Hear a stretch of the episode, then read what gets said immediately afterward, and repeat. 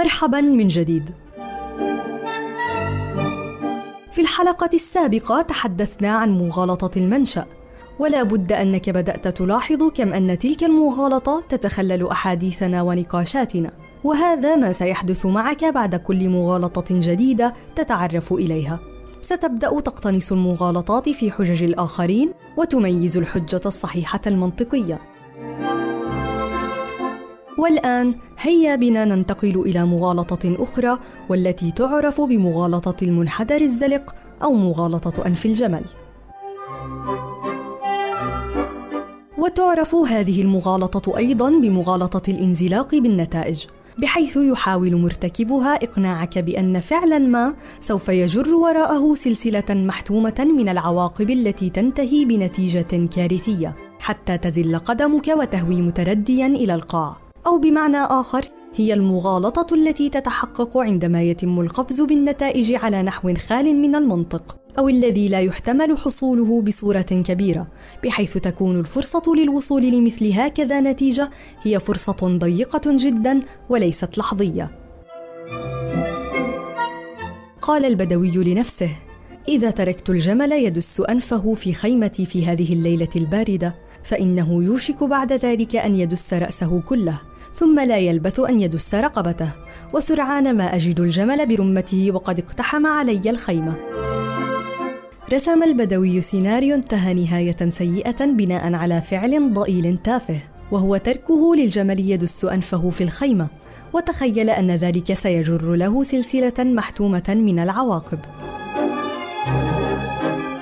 إليك ببعض الأمثلة.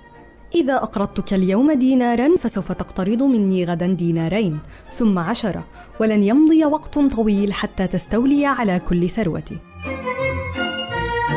كان من الممكن أن أرد لك المبلغ ولو لم أفعل لك أن ترفض إقراضي في المرة المقبلة وتقف المسألة عند هذا الحد.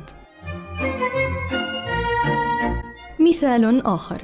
إذا لم تقم بأداء واجبك فسوف تفشل في الفصل، إذا فشلت في هذا الفصل فلن تتخرج من المدرسة، إذا لم تتخرج فلن تدخل الكلية، إذا لم تلتحق بكلية جيدة فلن تحصل على وظيفة جيدة، إذا لم تحصل على وظيفة جيدة فستكون فقيرا ومشردا. على الرغم من أهمية أن تكون مجتهدا لكنه ليس من الضروري أن تصبح مشردا لأنك كنت ضعيفا أو فوتت واجبا واحدا. مثال أخير. ينبغي أن يبقى اختيار المقررات التي تدرس بالجامعات أمرا متروكا للأساتذة. لأننا إذا سمحنا لرغبات الطلبة بالتأثير في هذا الاختيار فسوف يتصورون أنهم يديرون التعليم. ومن شأن هذا أن يؤدي إلى انهيار النظام. وسرعان ما نجدنا بإزاء جامعات لا تعلم شيئا. بدون شك إن الحذر وجيه إذا انطبقت هذه السلاسل غير أنها في هذه المغالطة لا تنطبق بالضرورة.